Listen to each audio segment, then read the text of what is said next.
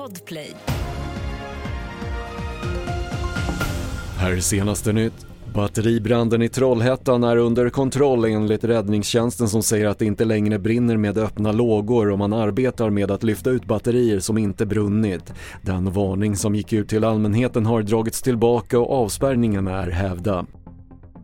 Två personer har anhållits efter dödsskjutningen i Sandviken igår då en man i 25-årsåldern hittades skjuten utomhus. Polisen säger att det är för tidigt att säga om händelsen är gängrelaterad men Expressen skriver att mordet har koppling till den pågående Foxtrot-konflikten. Och priserna på villor och bostadsrätter föll med 1% i december visar färska siffror från Svensk Mäklarstatistik. Priserna är nere på pandeminivåer men man tror på en ljusning under året säger Hans Flink på Svensk Mäklarstatistik. Jag tror att de kommer att vara ganska stabila. Vi kanske ser en svag uppgång i, i andra halvan av året. Eh, under det här första halvåret 2024 så får vi vara tacksamma om vi inte går ner.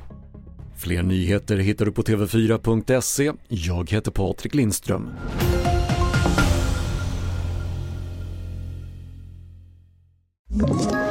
Ett poddtips från Podplay. I fallen jag aldrig glömmer djupdyker Hasse Aro i arbetet bakom några av Sveriges mest uppseendeväckande brottsutredningar. Går vi in med hemlig telefonavlyssning och, och då upplever vi att vi får en total förändring av hans beteende. Vad är det som händer nu? Vem är det som läcker? Och så säger han att jag är kriminell, jag har varit kriminell i hela mitt liv men att mörda ett barn, där går min gräns. Nya säsongen av Fallen jag aldrig glömmer på Podplay.